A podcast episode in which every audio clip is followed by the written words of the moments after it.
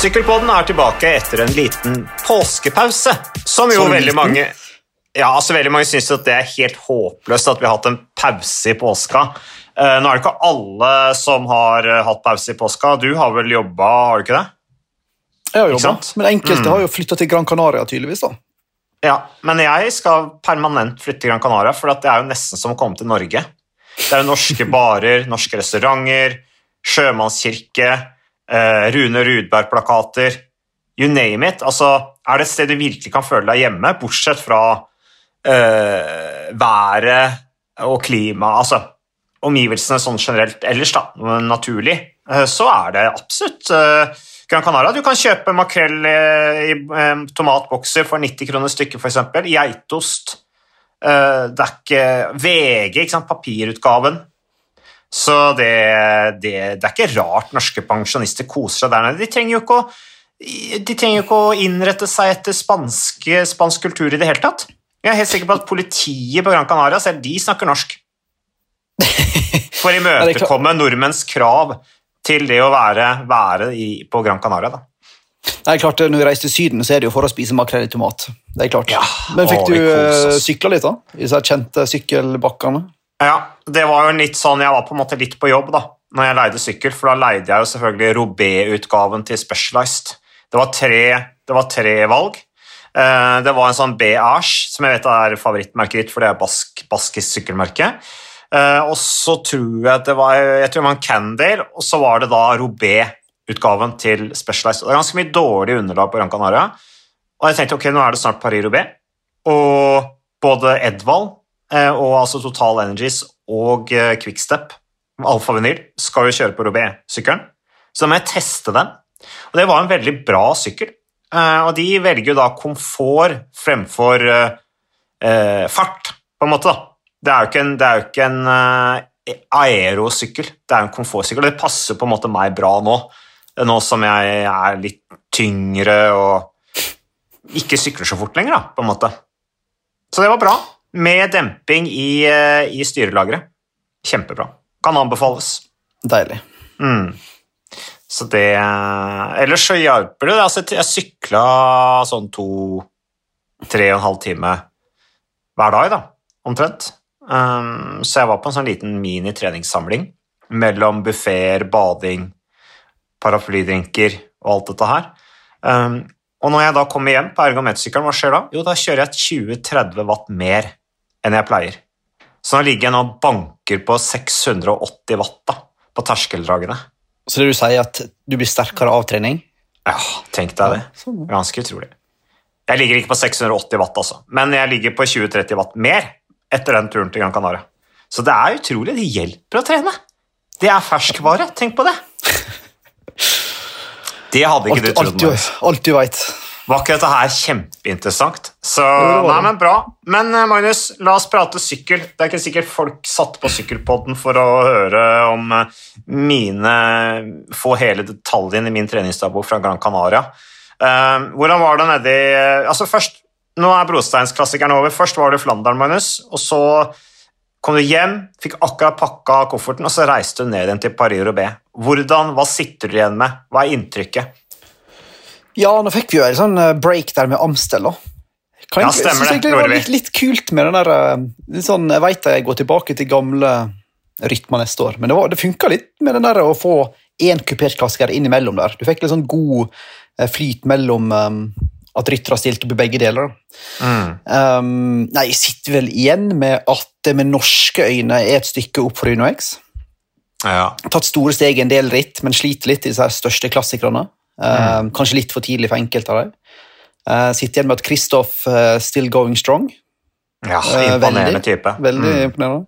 Mm. Ineos har tatt store steg. Um, Comeback. sitt, sitt, ja, sitter igjen med for å være helt ærlig, masse skadefryd på Quickstep Alfa Vinyl sine vegne, Mm. som har hatt Ja. en blytung vår. Stakkars.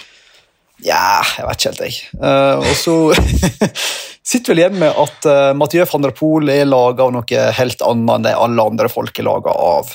Mm. Eh, Ja, i hvert her- fall i Flandern rundt. Eller fram Ja. til og med Flandern rundt. Ja, og i San Remo og Dvarst og Flandern. Mm. Han var ikke dårlig Robé heller, selv om den formtoppen kanskje ble litt Nei. for kort med så tynt grunnlag. Men, um, Mm. Men uh, for en rytter. Så det har vært en kul Ja. vår, da. Og så fortsetter vi med Flesh og Liège med realistiske norske eh, ambisjoner, for å si det på den måten, med Mm. Tobias Halland Johannessen i spissen. da. Og i realistiske ambisjoner du legger til det, så er det da møte med de virkelig Altså de, de rittene som har hakket større prestisje enn noe andre ritt, så er det en litt, annen, eh, en litt annet nivå. Det er vel det vi kan konkludere med. Absolutt. Han skal møte eh, Ala Filip og Pogacar og Hirschi og Evenepool og hva det heter, i Flesh på onsdag og Liège på søndag. Mm. Hang ikke helt med i Brabantse Pale, uh, så jeg er veldig spent på hva han kan få til. Men jeg tror hvis han kommer i grei posisjon i bunnen av Murdui, Mm. topp fem mulig. Ja, Murdui er jo posisjon alt, da. Eh, Så der er jo også spørsmålet hvor mange sitter han med til slutt. Av ryttere som kan hjelpe han i posisjon. Der må han jo kjøre på de andre. Posisjon er alt. Eh, Du må sitte foran der. Vi har jo sett Dan Martin, blant annet. Ikke sant? Han har jo aldri vunnet uh, Flesh, men uh, har jo vært flere ganger på pallen. Og han har jo ofte hatt altfor dårlig posisjon inn i, i Murdui. Så det, det er nok nøkkelen, men jeg tror på en måte en topp 10-plassering, uh, topp 15, topp 10, topp 15, topp 10 til, eh, til Tobias Halland Johansen på onsdag er, eh, er godkjent. Eller er, er veldig bra, da. Eh, han har jo for øvrig denne Catalonia rundt uh, plass, eh, plasseringen hans, var det ikke sju, sju? Ikke sant? Det er kjempebra. Eh, så så, så de, de, de Det var imponerende. Så det er ikke det at de ikke har nivå, men det er noe med de der store endagsrittene er Det er et sjokk, altså. Det husker jeg bare sjøl òg, når jeg deltok i de, at det var bare Det var så, det var, det var så tungt. Det var så høy fart. Og det var så voldsomt, alt sammen. Så det var liksom ikke Du fikk ingenting gratis der. Så det, den erfaringa har de i hvert fall fått, så det er bra. Eh, damene, da?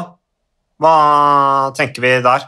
Flandern og, og Paris-Roubaix de har jo fått litt bank der også. Amstel også, for, for øvrig. Ja, det har ikke vært um, helt topp, for å si det sånn. Uh, litt stang ut med uhell, men det har jo alle i disse rittene her. da. Um, så det har vel vært litt sånn bratt læringskurve, for å si det diplomatisk. Mm. Um, så det har ikke vært så bra, men den har jo hatt, um, hatt gøye, artige ritt, på den måten at um, det begynner Italia virker til å en være i ferd med å ta over trona fra Nederland på mange måter. Eh, Ja. Det har så stor bredde nå at det er ikke bare jeg, van der Breggen og van Fløyten og den gode gjengen der som, ja, som pleide å vinne alt. da. Litt Nei, forandring der. Van der Breggen har jo, hun har jo lagt opp nå. Ja, men jeg mener Eh, Hele denne den generasjonen som vant alt, da. det virker til å Mm. være litt endring nå. Så. Ja, ikke sant? Og, og Voss er, har jo vært syk, eh, og eh, van Fløyten Da er på en måte, da har du to, to av de tre største eh, som er litt sånn på hæla. Så spørsmålet er jo generasjonen som kommer under her, om det kanskje må gå noen år til en ny generasjon dominerer like mye som det de har gjort. Vi får jo se, men jeg tror også at det generelle nivået på internasjonal damesykling bare kommer til å gå opp de neste årene, òg, så at det blir en skarpere konkurranse der, er vel ganske naturlig. Ja, jeg er helt enig. Og det er bra det at vi får litt variasjon, for at Nederland har vunnet altfor masse. Mm. Det er ingen tvil om. Så, så ja. Men, Ingrid eh, Gåskjenn ja. fikk jo en 25.-plass i eh, Amstel Coop, high-tech-rytteren. Det var jo ganske bra. Hyggelig. Ehm, Så ellers ble jo, eh, når vi er inne på, på damene, så ble Susanne Andersen beste norske i Flandern rundt på 35.-plass. Og eh, i Paris-Roubais så ble hun nummer 42. Da var det Julie Lett som var beste fra UNOX. Hun er jo dansk, da. Eh, Ble nummer 32. Andersen ble nummer 42. Men eh, Eh, du var litt inne på dette med Inios. Eh, det er jo litt spennende. Eh, de imponerer jo nå og begeistrer med måten de kjører på.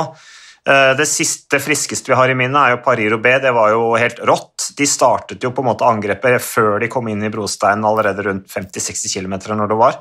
Eh, lagde et svare kaos i sidevinden der. Gjorde livet surt for Val van Ert og Mathieu van der Poel.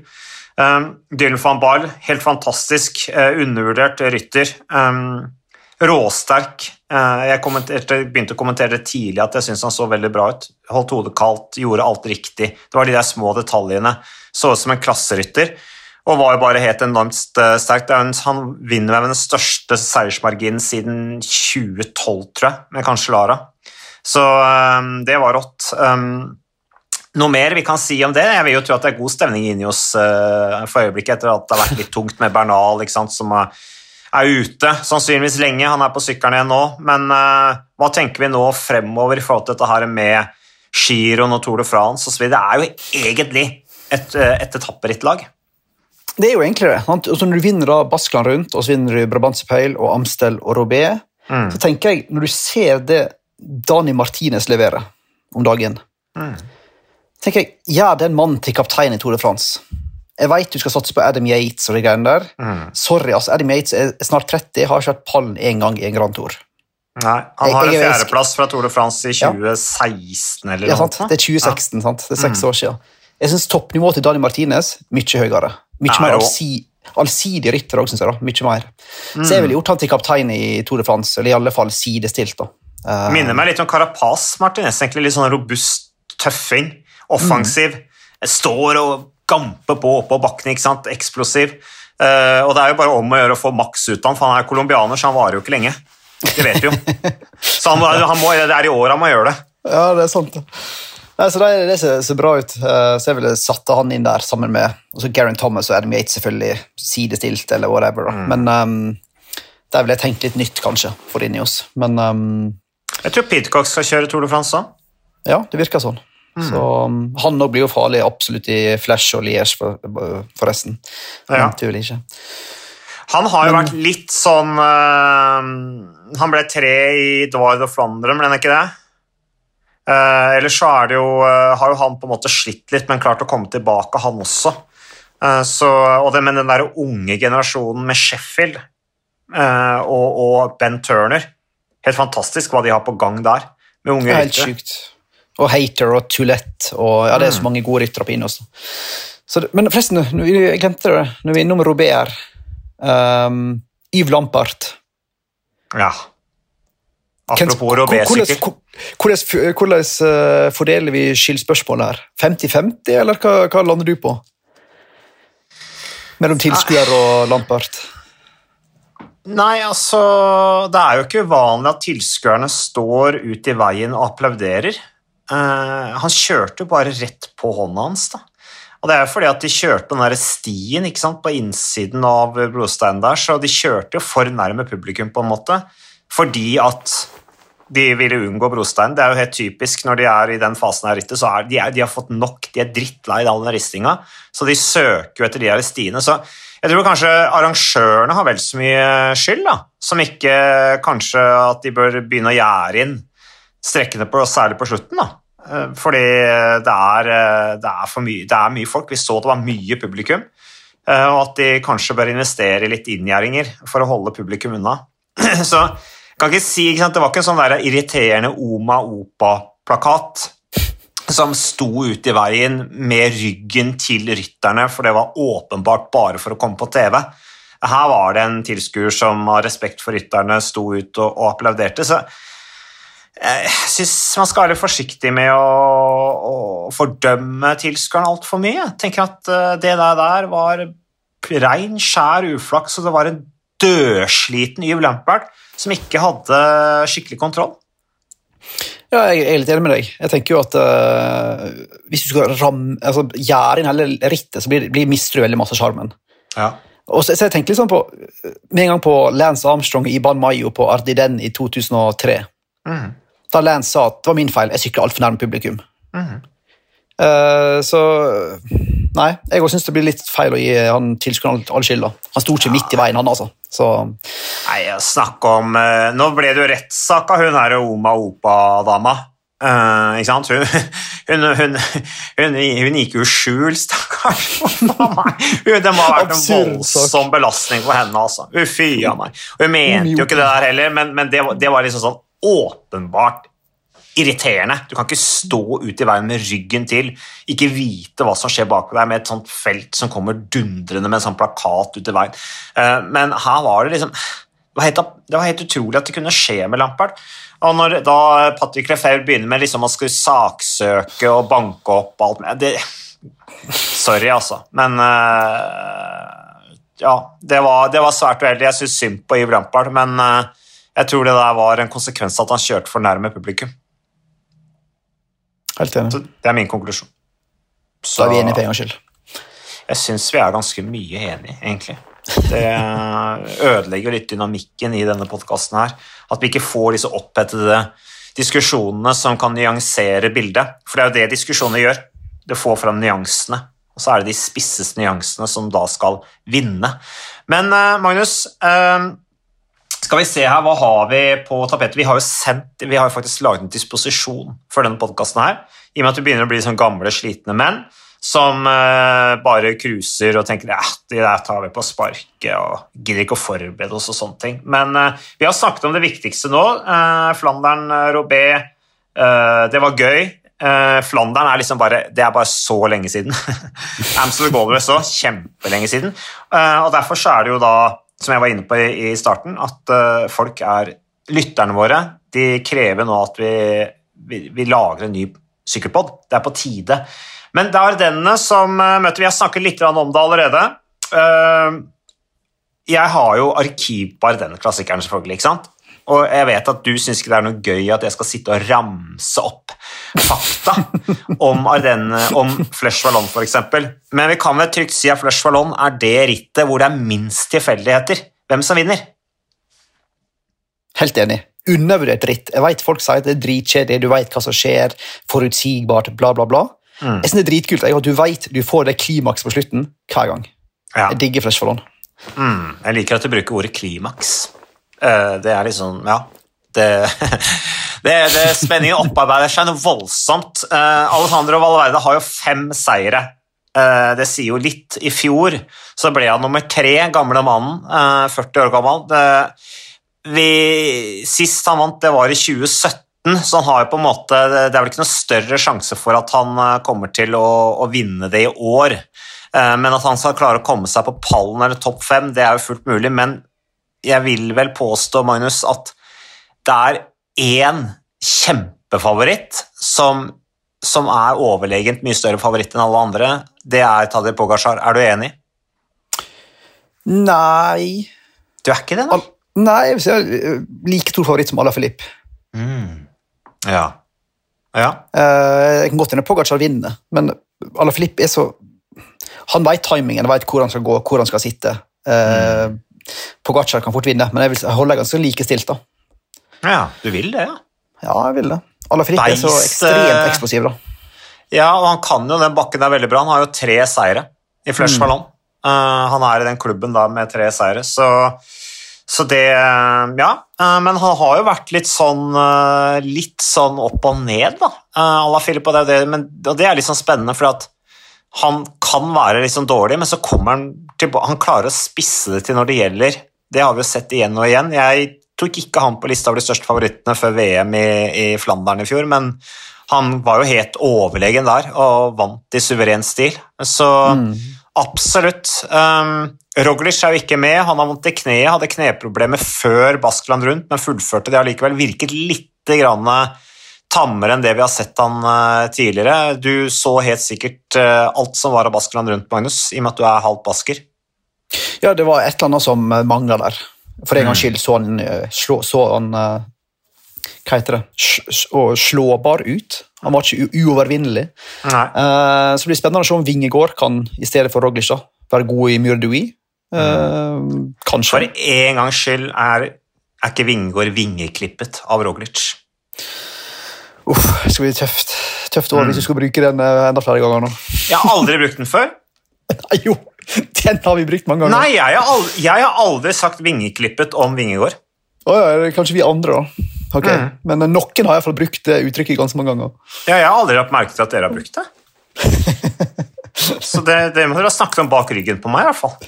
Ellers har ikke jeg fulgt med. På deg. Ja, jeg er jo litt distré, da, så det er jo ikke alt jeg får med meg. Og det jeg ikke får med meg, det har jeg ikke noe vondt av. Det er jo litt sånn.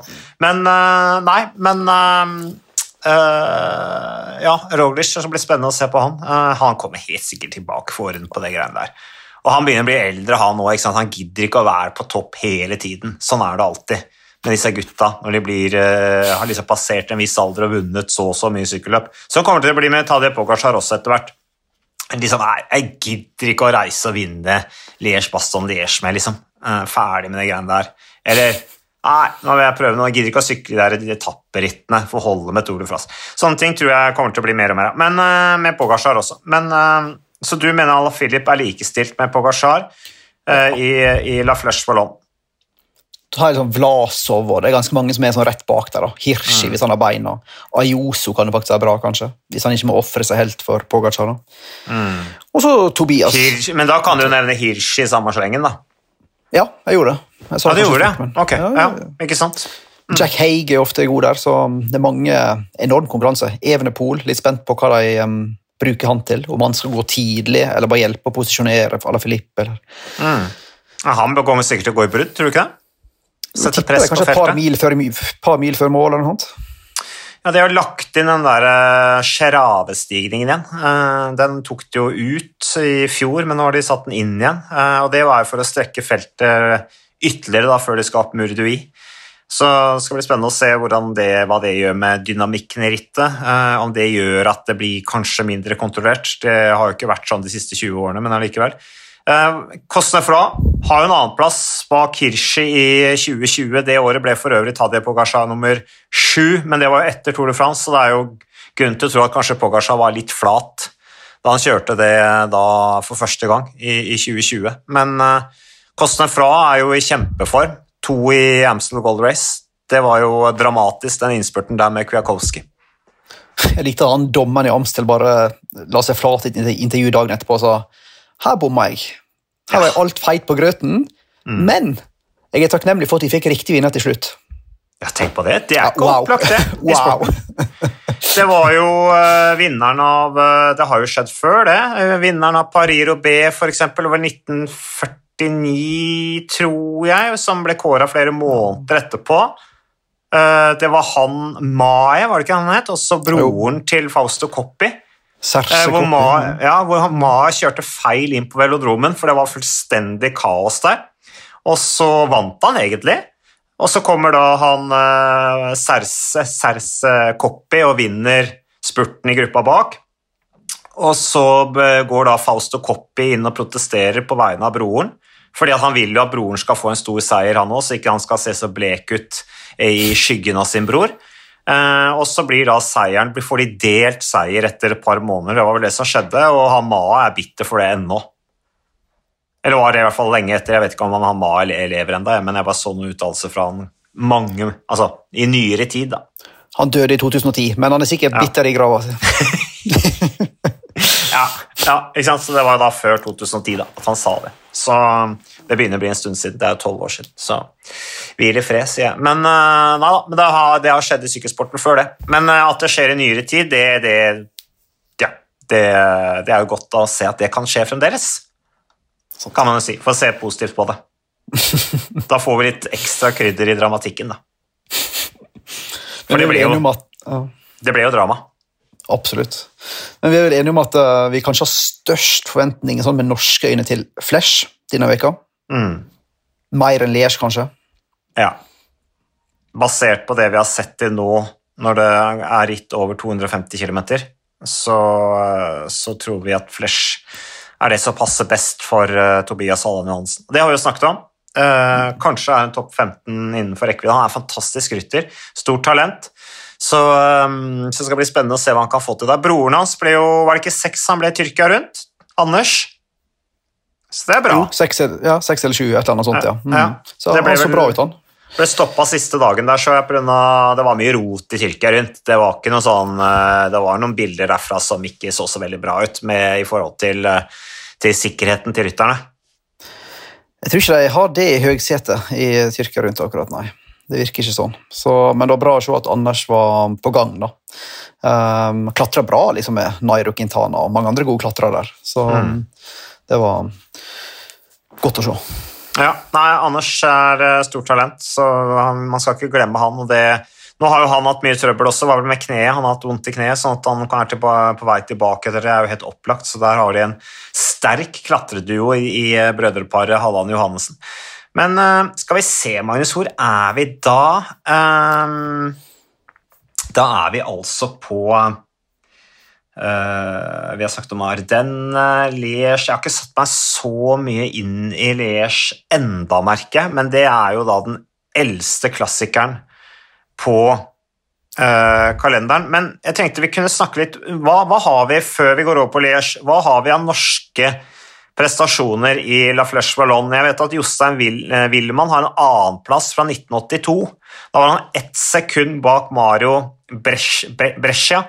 Eh, den gang så startet rittet i Charleroi og gikk i mål i Spa. Det var jo ikke da med Mur de Vie. Brescia som ble fire i Giron året etter. Vant fire etapper der og vant også Sveits rundt 1980. Dag Otto har en sjuendeplass fra Flesh Land. Det var i hans andre deltakelse. Da var han 1,29 bak Jean-Claude Leclerc. Eh, Dag Erik Pedersen har en 13.-plass fra 1986. Da var han 3,56 bak Laurent Fignon, som vant solo med over tre minutter. Eh, Atle Kålsår har noen brukbare plasseringer der. Han har en tolvteplass eh, fra 1991 og ble nummer seks i 1992. Da var han 30 sekunder bak Giorgio Furlan, og det var jo Det var den gang det var Da var det vel Mur de Vie, så vidt jeg husker. Og så har Lars Petter Norhaug en 26.-plass, Knut Knutsen har en 34.-plass, og Kurt Asle Arvesen har en 20.-plass. Er det noe mer? Er det noe jeg har glemt da? Nei, da tror du er godt innafor. Og jeg tror jeg har rett. Jeg tror Kålsvold var opp Mur Ja, jeg kan spørre han. Jeg kan spørre han for det... jeg, jeg, tror det var i 92 at det var opp der, ja. Mm. ja. Eh, for det er jo en eksplosiv bakke, og var det noe Atle ikke var, så var det eksplosiv. altså, det finnes ikke ett eksplosiv fiber i kroppen på den mannen. Han var jo en av feltets mest liksom, seige, mest utholdende klatrere. Jo lengre oppover det gikk, jo bedre var det for han. da. Så uh, tynn som en flis sin, som han var. Sin tids uh, Torstein Treen? Ja. Torstein er litt mer eksplosiv. Torstein er litt mer eksplosiv, syns jeg. Uh, nå kjenner jeg at det går så godt, da. Uh, verdens snilleste, ryddigste mann. Men, men jeg, jeg, tør å påstå at han ikke var spesielt eksplosiv. han hadde ikke kledd for å sitte på en sykkelcrossykkel, sånn som Torstein Træn er jo ganske teknisk god. Jeg er litt usikker på hvor teknisk Atle Kaas egentlig var. Men en harding var han, det var han. Og en eh, fantastisk god klatrer. Var jo en eh, utrolig hjelperytter også for, eh, for Greg LeBan. Vi husker jo i 1990 da han snudde etter å ha sittet i det avgjørende bruddet med en adlet ordre. Jeg tror det var i ryggmarg, ryggmargsrefleksen til ATK også, at da var det Greg LeMond som gjaldt, så han stoppet jo opp, snudde faktisk, og og, og, bidro da til Greg LeMond, som hadde trøbbel i forhold til Claudio Chiapucci, som uh, var noen punkteringer og noe greier der i bildet som gjorde at han måtte hjelpe kapteinen sin. Så det var, det var dramatisk. Men ja, er det noe du vil legge til om Flesh Wallon, Magnus? Når vi nå er snart ferdig med historietimen? Nei, det begynner vel å bli er det 20 år siden det var et brudd. Kan det stemme? 2002 eller noe sånt? Mario Ertz. Så så vant vel Astarloa, var ikke 2003? Var ikke det òg på en slags um, bruddvariant, eller husker jeg feil nå? Var det i ja. VM-trøya? Det var vel året han vant VM, ja. så det var vel litt før, da. Mm. Det var da, da Han syklet ikke Kofferis, det var vel året etter han syklet Kofferis. var Det ikke det? Det var et av disse her ja. eh, Saeko, ja. tror jeg det var. Et av disse mm. bomkjøpene til Kofferis-laget. De, de, har gjort mange bomkjøp.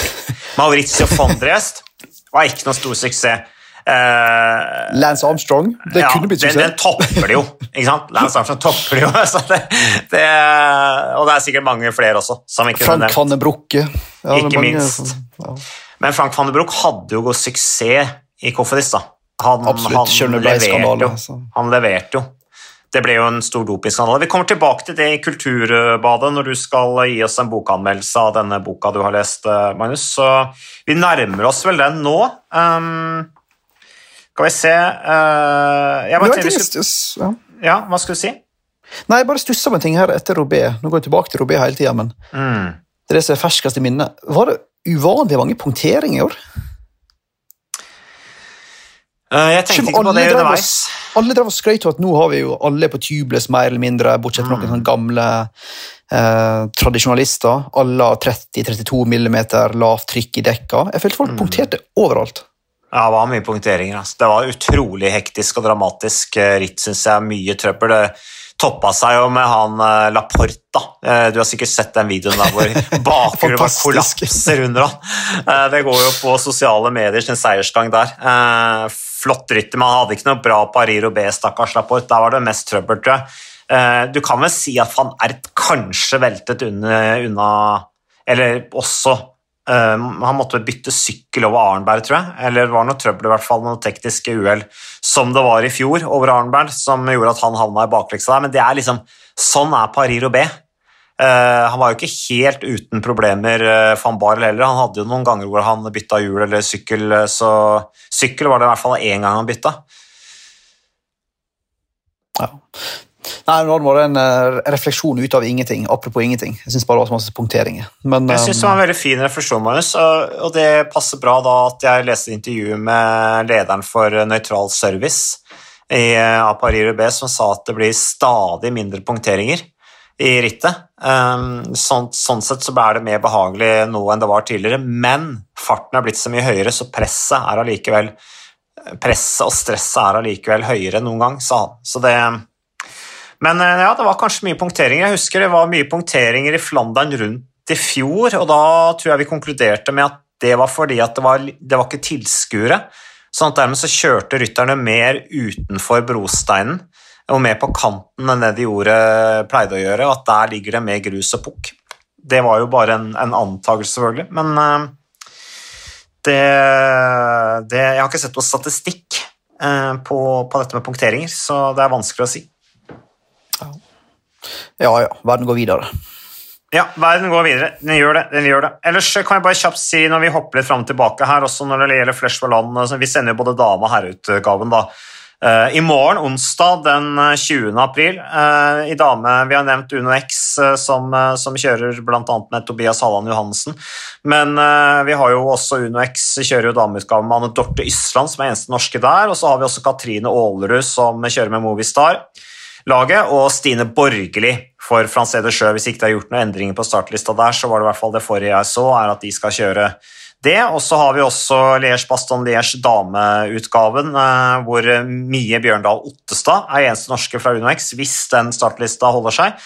Og Stine Borgerli kjører også for Francé de Sjø, og Aalerud igjen da for Movistar er jo, har jo hatt litt trøbbel, Aalerud òg, med noe velt og noe greier, men hun er i hvert fall tilbake. og kommer helt ja. sikkert til å kjøre glimrende for uh, hjelperytter for Annemiek van Flyten. Har jo kjørt bra i Liège Baston Liège tidligere. Aalerud skal bli spennende å se hva hun kan få til der i år. Meldte så, med, meldte så vidt med Ålerud etter denne velten i Amstel. Uh, skulder ut av ledd og sånt. Men det gikk visst mm. fint. Det var bare å poppe skulden på plass igjen. Så hun er good to go. Ja, ja men det er bra. Det er bra. Det blir spennende å se. Ellers, uh, Da hopper vi litt tilbake til Bariro B igjen, men til juniorutgaven. uh, det er jo litt interessant å se at der fikk vi litt skrell, da. Eh, i juniorutgaven, for der eh, var eh, stilte det norske laget. Og i fjor så vant vi jo juniorutgaven ganske suverent og har gjort det bra der før. Stian Fredheim, som akkurat har signert kontrakt med UnoX, han kjører på kontinentallaget til, til UnoX i dag, kjører jo glimrende for øvrig, rett opp fra junior. Uh, han vant jo i fjor foran belgiske Alex Segart og, og da ferske juniorverdensmesteren P. Strand Hagenes. Men i år så fikk de norske bank. Oliver Aukland ble beste norske på 47.-plass. Han var 4.02 bak vinneren Nils Michot, som er fra Luxembourg og kjører på juniorlaget til Ardos R. Oliver Aukland, for dere som kjenner igjen navnet, ja, det er sønnen til Anders Aukland. Så det, da vet vi det. Har du hørt noe om eh, noen kommentarer fra, fra juniorrittet, eller Magnus? Nei, jeg bare traff litt på dem dagen før. og det var klart at Du hadde selvfølgelig forventninger, men når du på en måte, når Fredheim og Hagenes går et aldersnivå lenger opp, så kan mm. du liksom ikke forvente at vi skal ha en ny første- og tredjeplass. da. Så det var litt Nei. mer realistiske, eller litt lavere forventninger i år. Mm. Så ble jeg litt sånn bekymra. På tolvteplass er det en slovener som heter Zack Ersen. Ersen er jo et er jo et eh, navn som ikke all, bare gode konnotasjoner. Han er jo Bahrain-sjefen som har hatt Nei, Særlig når du kommer fra Slovenia. Nei, sant? så jeg, bare, jeg må sjekke om det er sønn. Men um, det, ah. det, gror godt, tydeligvis, um, i slovensk syker òg. Um, mm. Jeg skal sjekke, opp, sjekke, om det er slekt. Der må men, du gjøre litt research, Magnus. Ja, jeg må gjøre det. Men mm. Men klart når Hagenes og Fredheim har jo briljert allerede i år. Mange sterke resultat. Så klart, jeg en kan ikke forvente at jeg skal vinne hvert år. I Nei. Norge, altså. I Robé. De, eh, jeg så, har- gikk jo gjennom litt resultater eh, tidligere i dag, og U23-utgaven av Liège Bastan Liège har jo allerede vært eh, kjørt. Eh, Roman Gregoire, eh, som vi jo husker fra i fjor, kjørte veldig bra i fjor også. Gregoire, franskmannen som nå kjører i Francais de Jeux Conte-laget, vant jo det foran Johannes Staune Mitte, som ble med seks Nei, altså, ikke foran Staune Mitte, men Staune Mitte ble det med seks der, som var veldig bra. Var seks sekunder bak eh, Staune Mitte. Um, der ble beste Uno X-rytter uh, Zakarias Kolle Lørland på 31. plass. Han var da i en gruppe som kom åtte sekunder bak, og spurte om åttendeplassen.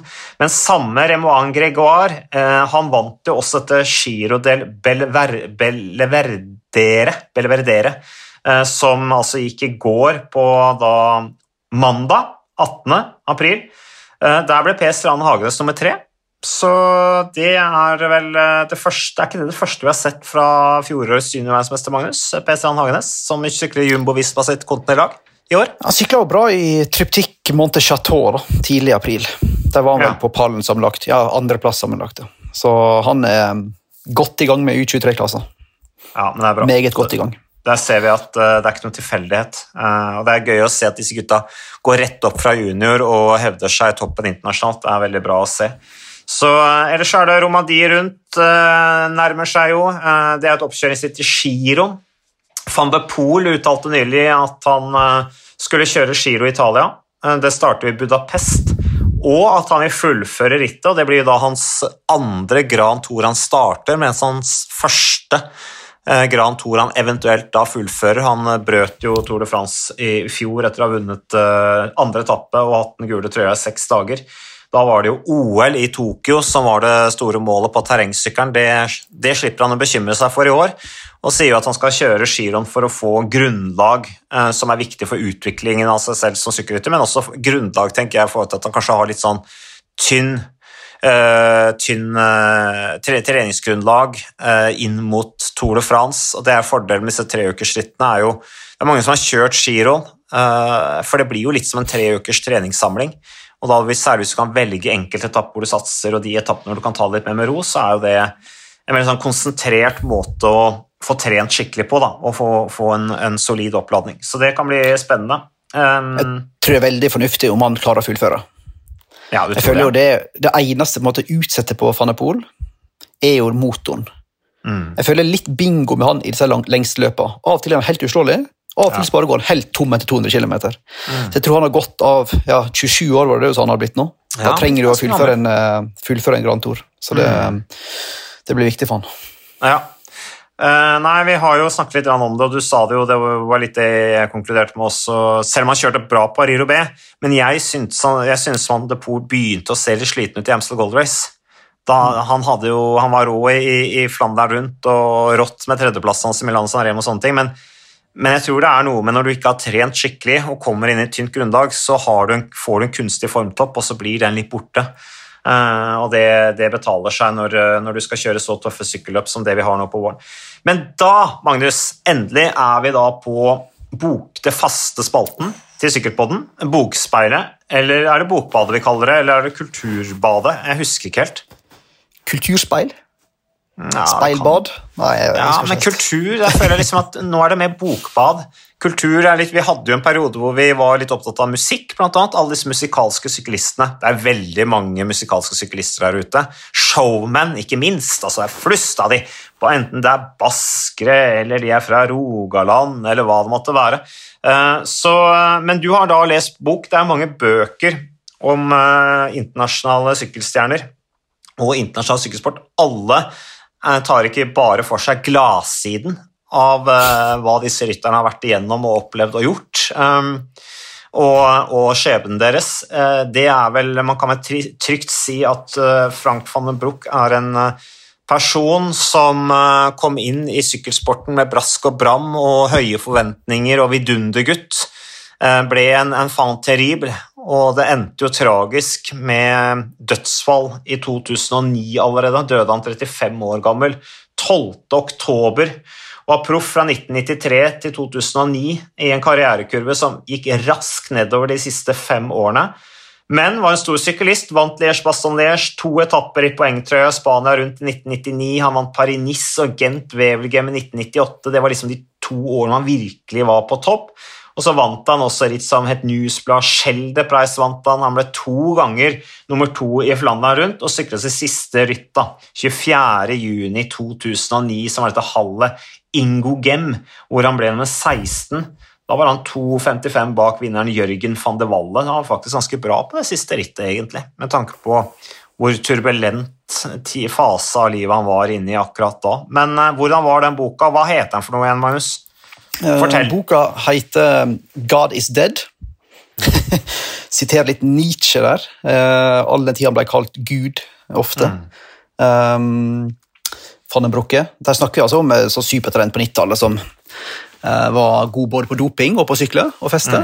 Ja, han var god på alt, da. Um, Ja, han var god på alt. Eh, Konklusjonen er vel at det er en av de bedre sykkelbøkene jeg har lest. Så den må jeg absolutt anbefale. Den er på høyde med um, Laurent Fignot, uh, Jonathan Voters, Tyler Hamilton sine bøker. Mm. Eh, for altså, Så mange andre så har jo blitt litt sånn, sikkert du òg, fascinert over Frank Fallen Han blir alltid fascinert over disse genier som dør altfor tidlig. Pantani, José Maria Jiménez. Mm. Men jeg, var, jeg har jo lest flere bøker om han. Det fins jo altfor mange der ute. om den Men denne her var den klart beste. Både i detaljer og omfang og research. og Det er så sjuk historie. Helt spinnvill historie. Blant annet når de lister opp, har gått gjennom alle rettssaker han har vært involvert i, alle dopingsaker. Så lister de opp liksom alt han de fant hjemme hos han, ti ulike produkt. Og da var det en lege som sa at disse ti produktene her kan du bruke hvis du er en dverg med nyreproblem og blodmangel. så han gikk liksom på absolutt alt du kunne. da. Det høres ut som veksthormoner og produkter som bidrar til at du får økt, økt blodprosent. Absolutt. Mm. Pluss eh, EPO, klembuterol, eh, masse amfetamin, masse. Stillnox eh, Det er sovemedisin. Mm. Mm. Så jeg gikk inn på alt, og det var nitrist. Det var nitrist historie. Jeg skriver masse om eh, da han var innlagt på psykiatrisk flere ganger. Um, dårlige forhold til nærmeste i familien. Um, så det, er en bok som handler like masse om um, eh, showbiz som sykkel. Da. Men det er jo som å lese en krim, krimroman. Um, Spinnvill historie. Masse om um, Bernard Sainz, denne famøse legen som har jobba i sykkelsporten i tre-ti år. fire-ti år. Doktor Mabus. Riktig. Mm. Eh, Det var rettssak med han nå. Det er ikke lenge siden det var en rettssak med doktor Mabus i Frankrike. Jeg fikk ikke fullt så veldig med på det. Har du sett noe på det? alltid, alltid rettssaker med han. Han fikk vel en ny, liten dom, da. Så Mm. har dopa masse hester, spesielt opp gjennom åra. Og syklister, selvfølgelig. Det var jo hest han opprinnelig drev med før Mm. han begynte å jobbe med syklister. Men den, det er jo en naturlig overgang, tenker jeg. Fra, Ja, det klart. fra hest til rytter. Så var det en interessant eh, anekdote der han snakka om eh, hvordan Fanne Brokke var så fascinert over en ung syklist som var på vei opp og fram, som heter Edvald Boasson Hagen. Så han eh, fulgte med på de siste åra sine. Eh, så han var mm, Nei, det var en spes spesiell bok. Absolutt eh, anbefale. Absolutt. Jeg husker ja, dette Etoile Bessers, eh, det kjente Etoile Bessers i 2006, den beste utgaven ever. Um, der husker jeg uh, Vannebruk sykla. Eh, da husker jeg Vannebruk velta i en sving, og da var han liksom på et sånt nivå at, at jeg syntes synd på han, liksom. Jeg, jeg så en, en, en, en mann, en slagen mann, eh, som, som sleit. Alle visste hvordan han hadde det. Han sykla på et lite lag, Yartachi eller et eller annet sånt. Eh, og det var bare trist. Og så velta han i tillegg, liksom. Og da husker jeg han kom seg opp på sykkelen, og så kom jeg på sida og spurte jeg, går det bra med deg. Åssen gikk det greit med helten? Ja, ja, det gikk greit og sånn, da. Så, men det var liksom sånn Følte meg litt sånn omsorg for fyren, for det var liksom en fyr som hadde tapt, på en måte. Eh, Det var bare Alle syntes synd på han. Altså, for de som ikke kjenner så godt historien, så er han mest kjent for å vinne Liège sånn Liège i 99, to andreplasser i Flandern, og være Kåfris-laget rundt 2000-tallet. Men så var det eh, Kåfris-ledelsen mente at det var litt sånn kultur- og holdningsprøve i laget, så de fikk en ekstern psykolog til å følge laget et par måneder og skrive en rapport. Hva kan vi gjøre for å forbedre samholdet? Mm. Og Rapporten fant han annet tre hovedpunkt. Det var for masse prostituerte, Mm. det var for masse nattklubb og for masse Viagra. Så du kunne begynne med å ta tak i det der, da. men den eh, rapporten ble bare lagt litt sånn. Jeg vet ikke, jeg. Det blir for stort fjell å klatre, så du lar det bare ligge, og så får vi bare gå videre. Men det er et var er Kofferis-laget. Kofferis, ja. Og det Mm. hadde jo på den tida. Det var van den det var Gaumont, Mm. De to var jo tospann, da. De var gode venner. Christophe Moreau, som var kjent for å ta seg en fest. David Mm. Miller, før han innrømte, skifta, innrømte doping og skifta livsstil. Så det, Ja. var, det var gjeng på tur. Og stillnok, som du nevnte, sovemedisin, blir også brukt mye i forbindelse med fest. Absolutt. Så det skal masse sånn han kombinert Stilnox med alkohol. Mm. Komme over kneiken etter et kvarter, og så får du en voldsom sånn uh, high. da. Uh, Mm. Men for de som har lyst til å se den ultimate kombinasjonen av enormt talent og enorm dopingbruk, så er det bare å gå inn på YouTube og finne Liège 1999 Laredot. Mm. Da kjørte han på storeskiva opp. Og jeg tror at Frank van den Broek kjørte med 55-skive. Helt riktig. det. Og så sa han at han skulle stikke på ved hus nummer 256 på Cotte San Nicolas. Angrep på 253, men det får være godt nok. Vant overlegent. Det er et sjukt eh, ritt som ligger på YouTube for de som er interessert i eh, kjemi og idrett. Og så formelig kunne du høre at det knakte i knærne hans ikke sant? når han trodde til, fordi han trodde til på så tunge gir og sto der og gampa på. Var jo på en måte en ganske elegant syklist sånn stilmessig. Eh, Og så var det dette Spania rundt 1999 hvor han også fløy. Og Det var jo også litt sånn kjemiritt da med Jan Ulrik, og, og du hadde David Miller og der var det på en måte, I Spania rundt gjaldt det ikke det som var i, i Frankrike. Det var jo etter Festina-skandalen, men det var jo fritt vilt i Spania. Da var det på en måte dopingkontroll, sånn, alle visste når det var dopingkontroller. Det var, det var ikke den samme, samme regime som det var i andre ritt. da. Og syke du kan, Han er veldig kjent for den etappeseieren opp til um, den innmura byen Avila i Vueltaen det året der. Eh, den er en sjuk etappe. Og så, men han kom jo på pallen for han ville vinne etappen, for da kunne han hilse på podiedama, som var veldig søt, som han så gifta seg med og fikk barn med. Cameron van den Brokke, som nå er sammen med Tim Merlier, vel. Så det er masse van den Brokke fortsatt i, i sykkelfelt. Hun har vel lagt opp nå, men hun var jo syklist. Sykla ikke under Lotto Sodal sitt uh, damelag. Helt riktig. Ja, Så hun er kjæreste med Tim Merlier, hun. Hmm. ja. Nei, men det er, eh, det er eh, flott anmeldelse av boka. Terningkast, Magnus. Terningkast fem. Ok, fem, ja. Mm. Det er det siste lille som mangler der. Godt skrevet, tabloid, Øh, ekstremt underholdende. Så lenge du bare kommer over nære. de første 50 sidene altså bøkene er litt kjedelig, om barndom og bla, bla, bla. Men med en gang du begynner på det kriminelle og storritter, så. Så er det gøy. Men uh, Frank van Broek han var nevøen til en direktør i Lotto. Hvem var det igjen? Uh, han kom jo inn i Lottolaget allerede som sisteårs junior. Begynte han vel å kjøre for eh, Han var jo en proff allerede på Jean-Luc første van den Brücke. Ja. vel, eh, mm. Han var direktør i Lotto, og så hentet de van den Broeke tidlig, veldig tidlig inn, så han var jo på en måte litt sånn uh, ut, utenom sin generasjon da, ved at han liksom hoppa rett inn i proff, og det var der han hørte hjemme. Litt sånn, litt sånn Remco Evenepool. Uh, litt sånn typisk belgisk.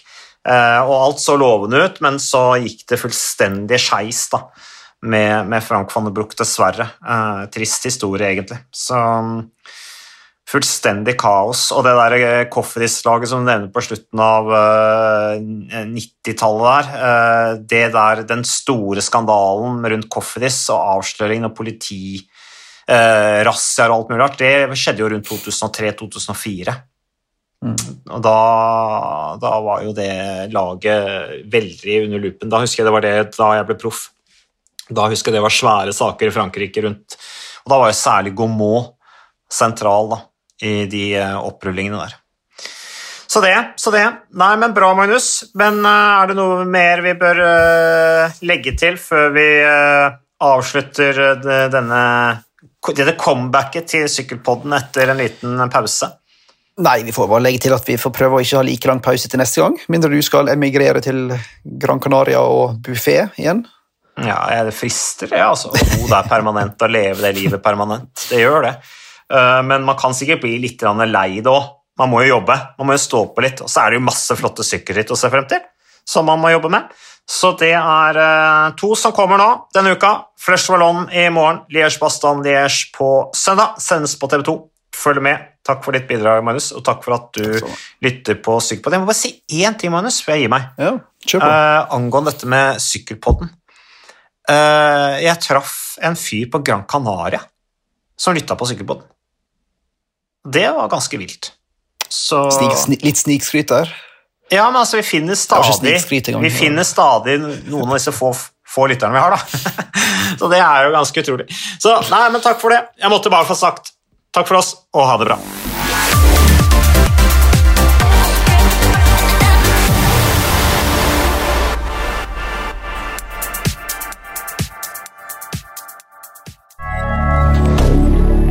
Moderne media.